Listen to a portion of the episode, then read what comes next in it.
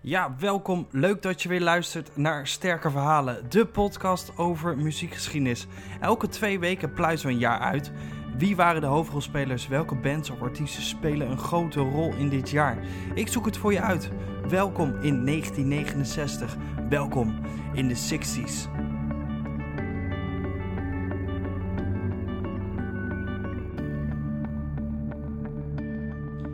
Als er een jaar is die ik met liefde voor die uitpluis, dan is het wel 1969. Volgens de boeken en volgens vele mensen misschien wel het beste jaar in de muziekgeschiedenis.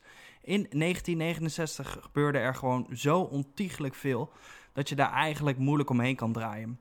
Elke band en elke artiest die in 69 een stap maakte in de muziek staat vandaag de dag bekend als een legendarische band of muzikant.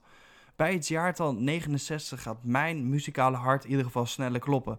Het is de natte droom van elke muziekliefhebber. En een belangrijk jaar waar de bodem wordt gelegd voor veel genres die we vandaag de dag kennen. Oké, goed. Laten we even kijken naar wat er allemaal gebeurde in ons koude kikkerlandje en bij, uh, bij de buren. In Nederland stond Serge Gainsbourg met Jane Birkin bovenaan de hitlijsten. Oh, oh, oh, ouwe snoepert het bekende zuchtnummer van Serge Gainsbourg. Het nummer zou eigenlijk uitkomen in 67 al met de granddame van de Franse cinema Brigitte Bardot. Maar hij kwam nooit uit. De toenmalige echtgenoot van Bardot verbood het lied, wat ik dan ook wel weer snap. Maar in 1969 bracht hij het toch uit met zijn vriendin Jane Birkin. Het nummer werd in de tijd als te heet beschouwd en werd in verschillende landen gecensureerd en in Frankrijk zelfs helemaal verboden. Vanwege de controverse van deze plaat belandde toch op veel landen op de nummer 1 plaats, waaronder dus Nederland.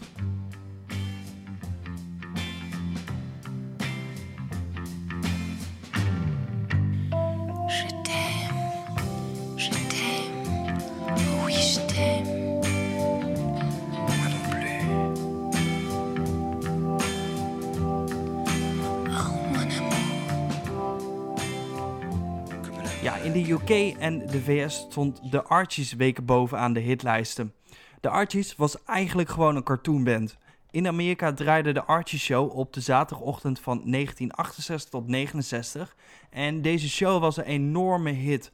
Vandaag de dag kennen wij de Archie Show van Riverdale op Netflix, die daar flink op gebaseerd is.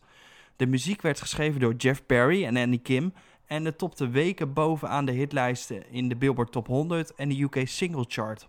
Sugar Sugar werd de grootste hit van de Archies en een van de bekendere nummers uit de jaren 60.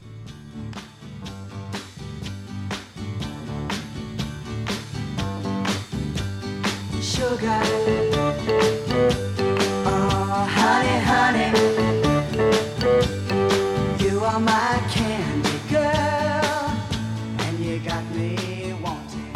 kijken we nog even naar de Grammys. Deze werd uitgezonden in Chicago.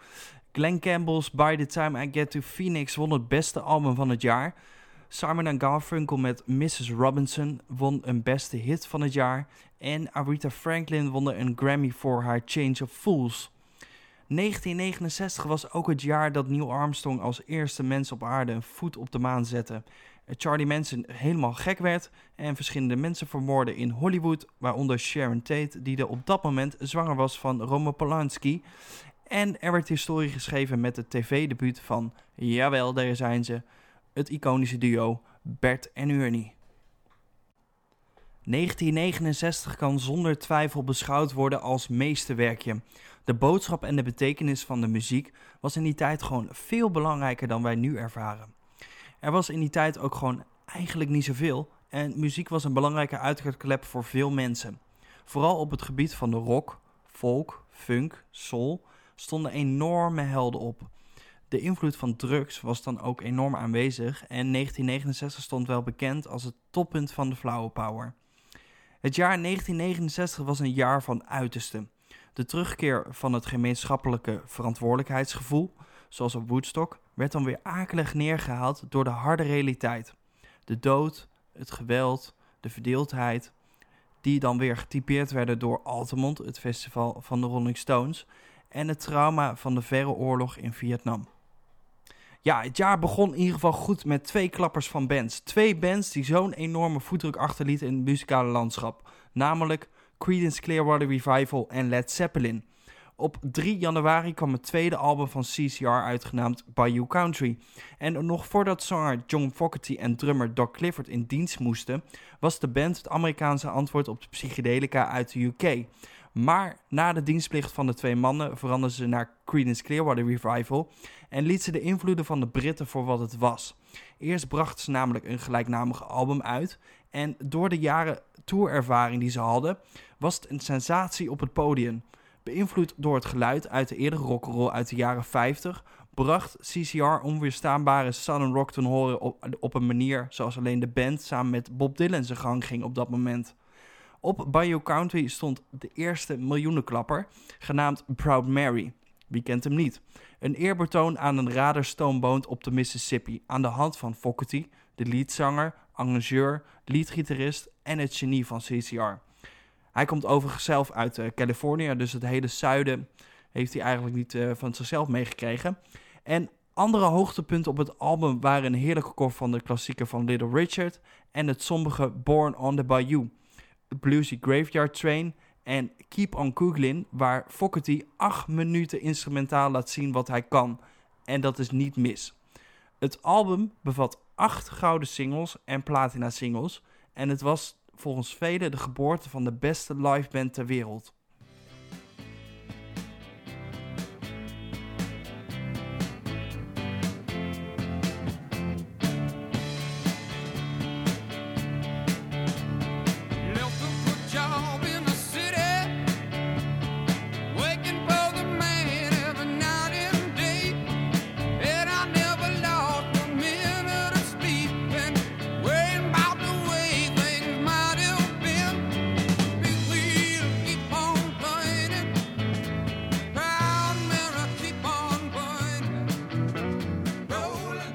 12 januari komt Led Zeppelin met een debuutplaat uit. Vandaag de dag is Led Zeppelin nog een van de meest invloedrijke rockbands ter wereld. En zelfs dat is al te horen op het eerste album van Led Zeppelin. Cream, de band van Eric Clapton, Ginger Baker en Jack Bruce, zat een beetje aan hun einde van hun Latijn. En de jongens van Led Zeppelin hadden daar vrij goed naar zitten luisteren. Alleen zocht Led Zeppelin iets meer de grens op van elk genre, namelijk van de rock, folk, RB en de blues. En dat voerde de hoofdnoot op deze plaat. Eigenlijk was er een soort nieuwe rockmuziek geboren. En op de plaat hoor je dit eigenlijk gewoon supergoed terug. Het ongelofelijke vlotte spel van Jimmy Page op You Shock Me en I Quit Your Baby toont aan dat de band hun muzikale achtergrond goed in de vingers hebben zitten. En terwijl Dazed and Confused en Communication Breakdown worden gezien als de toekomst van de rockmuziek. Wat Led Zeppelin zo goed maakte, was het jachtige spel van John Paul Jones op de basgitaar, die met Good Times en Bad Times een lijflied schreef. Luister maar eens goed naar het basloopje op deze single. De legendarische drummer John Bonham was gewoon krankzinnig goed. Elke nummer gaf hij precies de juiste lading. Led Zeppelin was dus veel meer dan sommigen dachten. De vreemde teksten van Robert Plant komen misschien op latere albums wel wat meer tot hun recht, en dat de band nog veel moest leren in 1969. Maar dit album is echter zo'n mijlpaal in de muziekgeschiedenis dat het met recht wordt aanbeden door de fans. Been dazed confused for so long it's not true. Wanted a woman never bargained for you. Lots of people talking, few of them know. Soul Bye.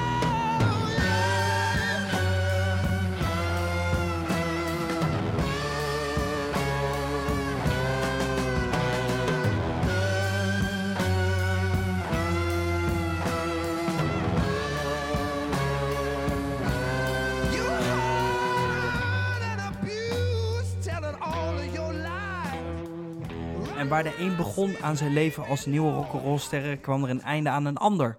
Op 30 januari speelden de Beatles hun laatste echte live optreden ooit. Ze speelden op het dak van de Apple Records hoofdkwartier. En de geruchten zouden gaan dat ze weer terug zouden keren naar het livecircuit. Maar zover kwam het nooit. De opnamesessie van hun laatste album, Let It Be, bracht de band alleen maar in verwarring door ruzies En inderdaad, zes maanden later gingen de Beatles allemaal hun bekende eigen weg, gebroken door ego's. Het optreden werd opgenomen voor de film Let It Be. En eigenlijk hadden de Beatles nergens meer zin in. Vooral het wringen tussen John en Paul was dan ook pijnlijk om te zien. Het optreden van de band werd abrupt afgebroken door de politie, omdat er in de buurt was geklaagd door overlast. En nog voordat ze het pand verlaten, zegt John nog even voor de grap: I hope we passed for the audition. Abbey Road zou het laatste officiële album worden van de Beatles. Deze kwam uit in september 1969. Even alle ruzies opzij en gaan. Het album eindigt veelzeggend met The End. En grappig is dat in latere uitgaven Her Majesty vermeldde als laatste nummer, maar deze kwam erop als foutje van een geluidstechnicus. En hebben ze dus gewoon even lekker laten staan. Um, na Abbey Road stapte John Lennon niet veel later uit de Beatles-trein. En na een fotosessie in september voor Abbey Road werden de bandleden niet meer samen gezien. In een interview sprak McCartney de fameuze woorden, en mooier dan poëzie wordt het niet. I didn't leave the Beatles, the Beatles have left the Beatles, but no one wants to be one to say the party is over. We springen even naar februari en maart. Bob Dylan is druk in de weer om liedjes uit te brengen dan hij al deed op dat moment. Hij duikt namelijk de studio in met Johnny Cash. Hier nemen ze Girl from the North op en deze beroemde sessie is een voorloper op het album van Nashville Skylines. En nog, om nog even bij de Beatles te blijven, John Lennon trouwde met Yoko Ono. En volgens velen is Yoko de boosdoener waarom John Lennon uit de Beatles stapte. Veel muziekjournalisten in die tijd wijzen met een boze vinger naar Yoko. Maar goed, in maart stappen de twee in een huwelijksbroodje. Tuurlijk wisten ze hier een grote publiciteit aan vast te hangen. In plaats van een groot huwelijk deden ze natuurlijk iets anders. Ze gebruikten deze aandacht voor de vrede op aarde. Ze spendeerden hun huwelijksreis in de presidentiële suite in het Hilton in Amsterdam, kamer 702. Voor ongeveer een week zaten ze opgesloten in deze kamer en nodigden ze iets naar de pers uit. Elke dag tussen 9 en 9. En waar de pers dacht dat ze een stel zouden treffen die alleen maar lekker aan het seksen waren, trof ze een stel aan saai in pyjama's. En in de woorden van Lennon, like angels. Praten over vrede met iconische borden, herpes bad peace. Aan de andere kant van de oceaan brengt The Velvet Underground hun derde album uit. Na iconische platen, waaronder White Light en White Heat, uh, waar Andy Warhol een grote rol op speelt, lijkt de band iets terug te gaan naar het normale. Ze maken namelijk de radicale overstap van het chaotische, avant-garde, zoals op White Light en White Heat te horen is, en The Velvet Underground en Nico met die prachtige banaan op de voorkant, naar iets terughoudendere toegankelijke rockmuziek. De teksten en klanken klinken iets minder extreem, wat ook deels te verklaren is door het vertrek van John Cale. Het album heeft een fantastische opener met Kenny Says, die wordt gezongen door de vervanger van John Cale, Doc Huell. En in After Hours hoor je nog de kinderlijke stem van Maroon Ticker. Alles daartussen lijkt Lou Reed zich te ontwikkelen als een drugsgebruikende straatdichter, wat in de vorige albums veel naar voren kwam, naar een welbespraakte songwriter.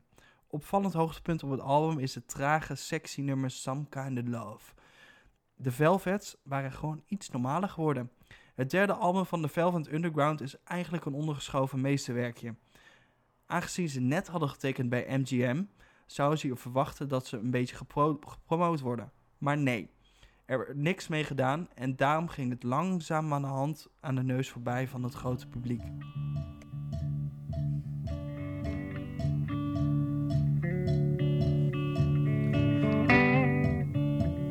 Some kinds of love. A monkey read a total between thought and expression. Lies a lifetime. The situations arise because of the weather and no kinds of love. Ja, verder is het vrij stil in deze maanden in 1969. Maar wat daarna komt, daar gaan we even lekker van smullen. Te beginnen met April en Dusty Springfield. In 1968 had de popmuziek plaatsgemaakt voor de rock en konden solo-zangeres zoals Dusty moeilijk een hit scoren. Eigenlijk was de naam Dusty Springfield al lang vergeten en niemand keek echt meer naar haar om. Dusty daarentegen had net getekend bij Atlantic Records, het huis van de grootste R&B-sterren ooit, namelijk Aretha Franklin. Toch was Dusty al een beetje afgeschreven, maar Atlantic had goede hoop dat ze nog een hit konden worden met Dusty. Ze vlogen haar naar Memphis en zetten haar in de studio met de band die sterren had gemaakt van Aretha Franklin, Wilson Pickett en de Backtops. Dusty, die was daar eigenlijk een beetje huiverig in. Ze schrok zo van het materiaal dat ze eiste dat de nummers volledig af moesten zijn voordat ze ging inzingen. Maar nee hoor, Atlantic had iets anders in gedachten. Iets spontaans. Dusty mocht haar zang inzingen met alleen ritmeopnames. Ze verloor haar zelfbeheersing, kreeg het met alles en iedereen ruzie en beschuldigde de producers van prima donna's. De asbakken vlogen door de studio en de sessie werd afgebroken. Dusty die vloog weer terug naar New York om in een betere sfeer de opnames af te maken. En het eindresultaat is daar ook weinig van te merken. Ondanks dat alles in een vrij agressieve sfeer gemaakt is, hoor dat echt niet terug op het album. De arrangementen zijn weergeloos en de zangpartijen zijn fantastisch. Met Son of a Preacher Man maakt ze haar comeback en zet ze zich weer terug op de kaart. Helaas was het publiek minder zacht voor haar album en ondanks positieve geluiden flopt het album. Haar carrière heeft deze meid nooit meer kunnen herstellen. When they gathered around and started talking, Cousin Billy would take me walking. Out through the backyard we go walking. Then he into my eyes. Lord knows to my surprise, the only one who could ever reach me was the son of a preacher man. The only boy who could ever teach me was the son of a preacher man.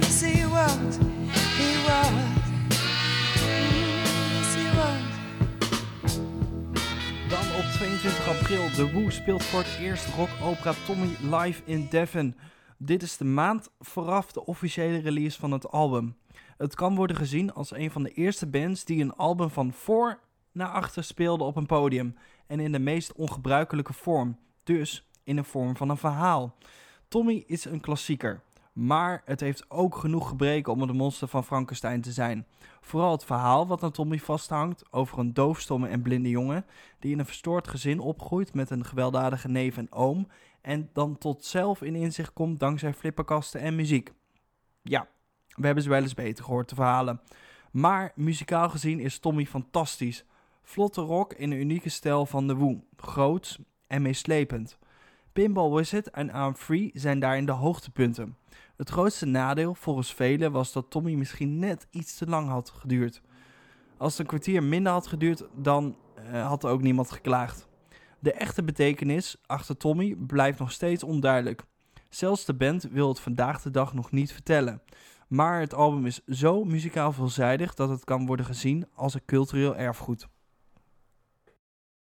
Misschien wel een van de meest invloedrijke funkbands uit de jaren 60 was Sly and the Family Stone. Op 3 mei kwam het album Stand uit. Zanger Sly Stone formeerde de band in San Francisco. Een diverse band, bestaande uit mannen en vrouwen van verschillende komaf. Eerder brachten ze al het geweldige Dance to the Music uit, maar ze gooiden met Stand over een andere boeg. Het album werd gedragen door nummer 1 hit Everyday People, dat in februari uitkwam als voorloper op het album. Stand is een eerbetoon aan de tolerantie. I Want to Take It Higher werd een van de lijfliederen van Woodstock, waarin de gloed van gospel met bluesgitaren en blazers werd gecombineerd. De beat was een duidelijke inspiratiebron voor de latere disco. Stand stond meer dan 100 weken in de Amerikaanse hitlijsten en behaalde de 13e plaats.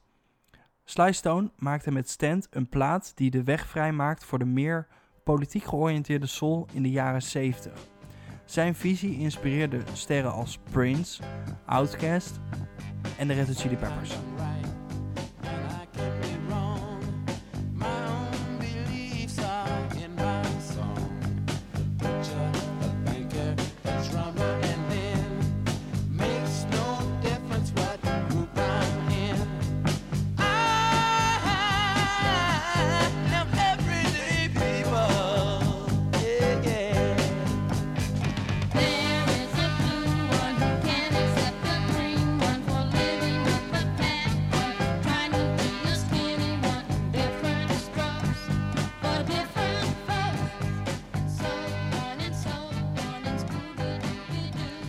Alle vrolijkheid in het jaar gaan we even kijken naar de grauwe, nare geschiedenis in 1969.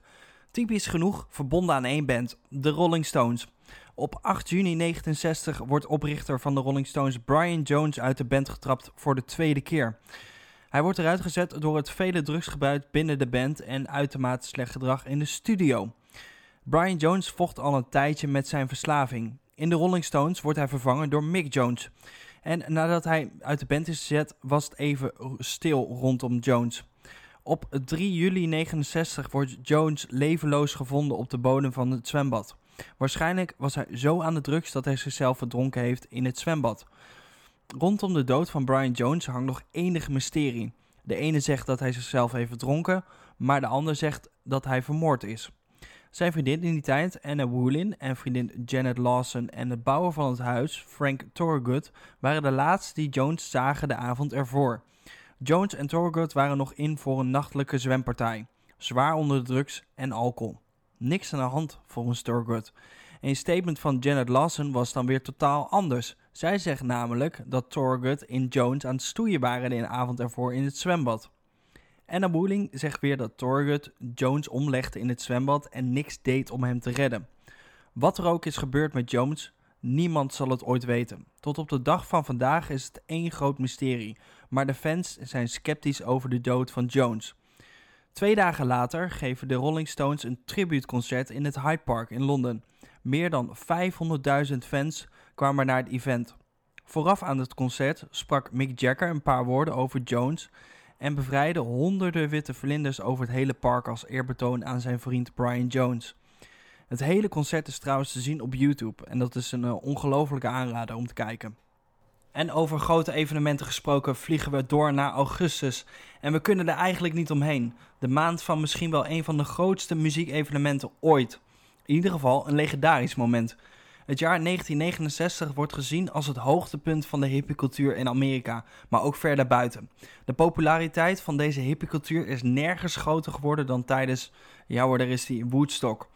Dat werd gehouden in een weiland nabij Bethel in New York.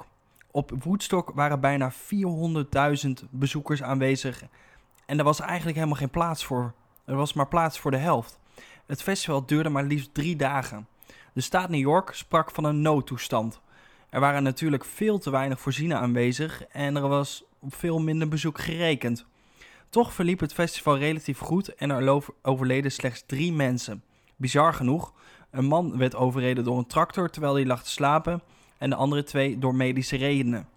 Daarentegen stond de geboorte van twee baby's tijdens het festival en ik denk persoonlijk dat er ook genoeg verwerkt is tijdens dit festival. De line-up van het festival was super indrukwekkend. Grote artiesten als Joe Cocker, Santana, Janis Joplin, The Who, Sly and the Family Stone, Crispy Still, Nas Young, de band en natuurlijk Jimi Hendrix gaven een legendarisch festival vorm. Veel mensen zullen het eigenlijk denk ik niet meegekregen hebben, denk ik. Want als je helemaal achteraan stond op het festival, dan hoorde je het alleen, want je zag geen klap. Grote schermen en geluidinstallaties bestonden en nog niet echt in die tijd. Maar dat de mensen zich niet verveeld hebben, dat mocht wel duidelijk zijn. Alles werd gefilmd, waardoor het festival een legendarische status heeft en in de latere jaren is dat alleen maar toegenomen. Opvallend was wel het aantal grote namen dat niet op Woodstock optrad. Waar waren Bob Dylan, de Beatles, The Doors, Led Zeppelin en de Rolling Stones? De Beatles werden wel benaderd, maar John Lennon wilde ook dat de band uh, van Yoko Ono op Woodstock zou spelen. Dat ging niet door, dus ook geen optreden van de Beatles. Althans, dat is een veel gehoord verhaal. Want eigenlijk werd er gefluisterd dat ze vanuit Canada niet op tijd in de VS konden komen. Led Zeppelin mocht ook komen, maar was slechts bang dat het een bijrol zou spelen op het programma en daarom ging het liever zelf op tournee. In het weekend van Woodstock speelden ze vlakbij in Asbury Park in New Jersey. En dat is inderdaad de geboorteplaats van Bruce Springsteen. Bob Dylan was er niet omdat zijn zoontje ziek was, hoewel een andere gerucht dat hij klaar was met alle hippies die bivakkeerden voor zijn huis, wat opmerkelijk genoeg vlakbij het festivalterrein lag. De Doors kwam niet omdat zanger Jim Morrison het niet zo had op concerten in de openlucht. De drummer was er overigens wel, hij was gespot bij het concert van Joe Cocker. De Rolling Stones konden niet optreden omdat zanger Mick Jagger filmsopnames had in Australië.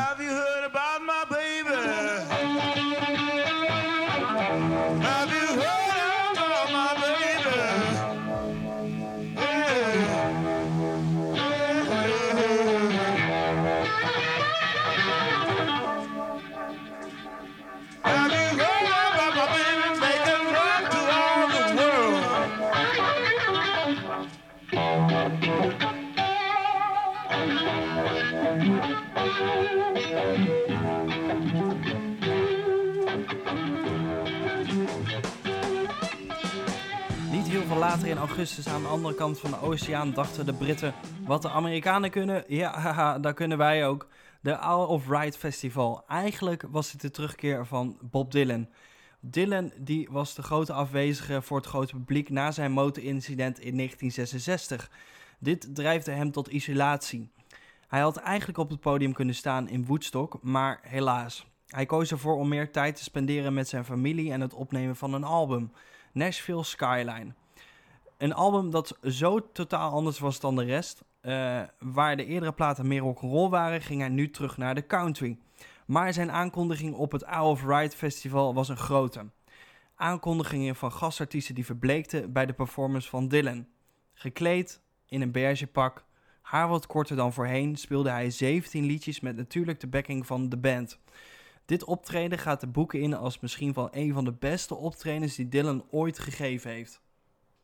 Ja, wat is Dylan zonder de band en wat is de band zonder Dylan? Die vraag stel ik me best wel vaak af en ik denk dat ik daar eigenlijk nog niet een antwoord op kan geven. Maar goed, de band lanceerde op 22 september hun eigen tweede album. Uh, en Dylan had eigenlijk een beetje de deur al dichtgetrokken voor deze generatie. Maar ja, hè, in deze omstandigheden moest je toch wat. En om deze omstandigheden schiep de band een meesterwerk. De band is gebaseerd op een reeks nummers van Robbie Robertson over het zuiden van Amerika. Het album is een krachtige weerspiegeling van die tijd en op basis van schaamte en trots uit het verleden van Amerika. Het album had ook bijna Amerika kunnen heten en dat de vier leden uit Canada uh, en eentje uit Arkansas kwamen, maakte het nog grotendeels gefascineerder. Het album werd grotendeels opgenomen in de heuvels van Hollywood, in een huis dat gehuurd werd dan weer voor Sammy Davis Jr. De band is een absoluut hoogtepunt uit die tijd die ze doorbrachten met Dylan en Woodstock dagen. Het geluid over dit album is rauw, maar gepolijst en het ritme roelt soepel mee. De vocalen van Levin Helm, Richard Manuel en Rick Denko vloeien naadloos in elkaar over en zorgen voor een spookachtig effect. De band heeft vele hoogtepunten gekend, maar dit tweede album is echt prachtig. Op de hoes staan de bandleden ook als een soort bijeengeraapt soortje of een bende van verschrompelingen. En ik denk dat het beide ook wel een beetje klopt naar die tijd.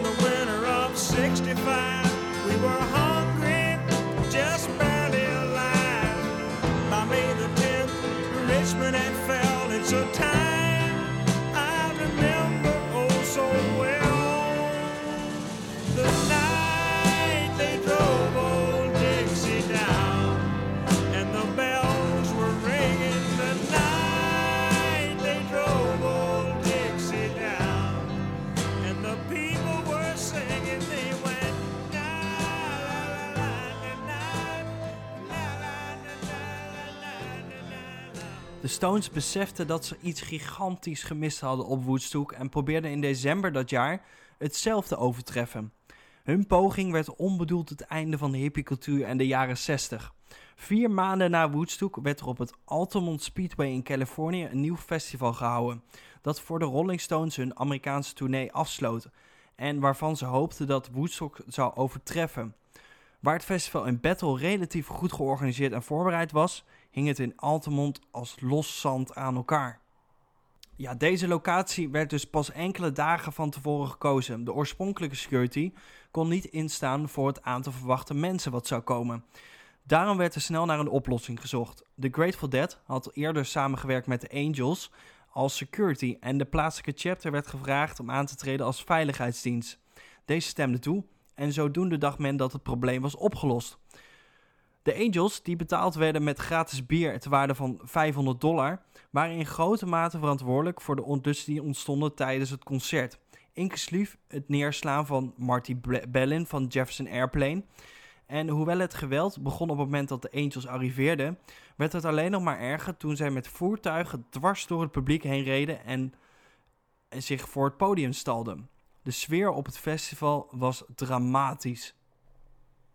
Dit alles leidde tot wat later het drama van Altamont werd genoemd, ook wel Rock's Darkest Day. De massale hippies konden niet worden opgevangen en bovendien hadden veel bezoekers drugs meegenomen. En werd er ook veel gedeeld. Daardoor kreeg je een menigte die niet te controleren was. En door het geweld en de angstsfeer kampten ook veel bezoekers met bad trips. Geïnformeerd door Michael Streef van Santana over de mishandeling van Martin Beling, weigerde ook de Grateful Dead op te treden. De Rolling Stones hadden de gewoonte om te laten komen. En dit verbeterde de sfeer op het festivalterrein ook niet. In alle vechtpartijen speelde de security, tussen haakjes, een beslissende rol. In de EHBO-tenden wemelde het ook van mishandelde jonge meisjes. Toch vonden de Stones dat ze moesten spelen. Ze begonnen hun set en al gauw raakte het publiek in een enthousiaste stemming in plaats van een chaotische. En toen Mick Jagger en co Under My Thumb speelden, ging het echter dodelijk fout. Na herhaaldelijk door de Hells Angels gemolesteerd te zijn, probeerde hij, Meredith Hunter, het podium op te komen. En na een tweede keer haalde Meredith Hunter een ongeladen revolver tevoorschijn. Waarschijnlijk zat hij zwaar onder de drugs. Hierop kwam Alan Pizarro, een van de Angels, in actie. Met een dolk stak hij Hunter neer en nadat men hem ook op de grond hadden mishandeld, stierf Hunter ter plekke. Ik wilde niet op je schieten, schijnen zijn laatste woorden te zijn geweest. En na dit tragische incident was de vechtlust van de Angels iets wat gedempt. De Rolling Stones daarentegen maakten direct gebruik van deze situatie. Nerveus en gedreven voltooiden ze hun set. En volgens kenners is het een van hun beste optredens ooit. In het latere gewoel kwamen nog drie andere mensen om. Twee werden al slapend overreden en de derde verdronk in een kanaal. Pissarro werd nooit vervolgd voor het doden van Meredith Hunter. Later oordeelde de jury dat hij had gehandeld in zelfverdediging. En Boontje komt op zijn loontje. In 1985 wordt zijn lijk opgevist in een kanaal van een afgelegen natuurgebied. In het drama van Altamont zien de meesten aan het einde van een onschuldig hippie-tijdperk. Eentje na een hoogtepunt van Woodstock. En als eindpunt moet worden aangegeven van de Golden Sixties, wordt Altamont regelmatig aangewezen.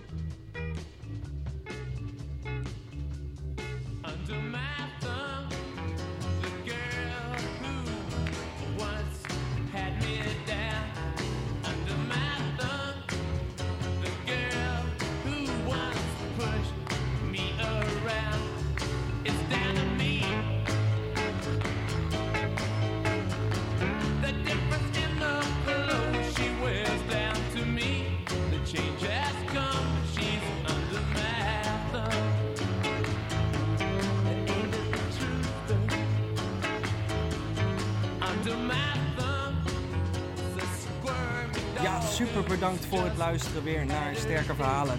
En ja, wat was 1969 toch een prachtig jaar.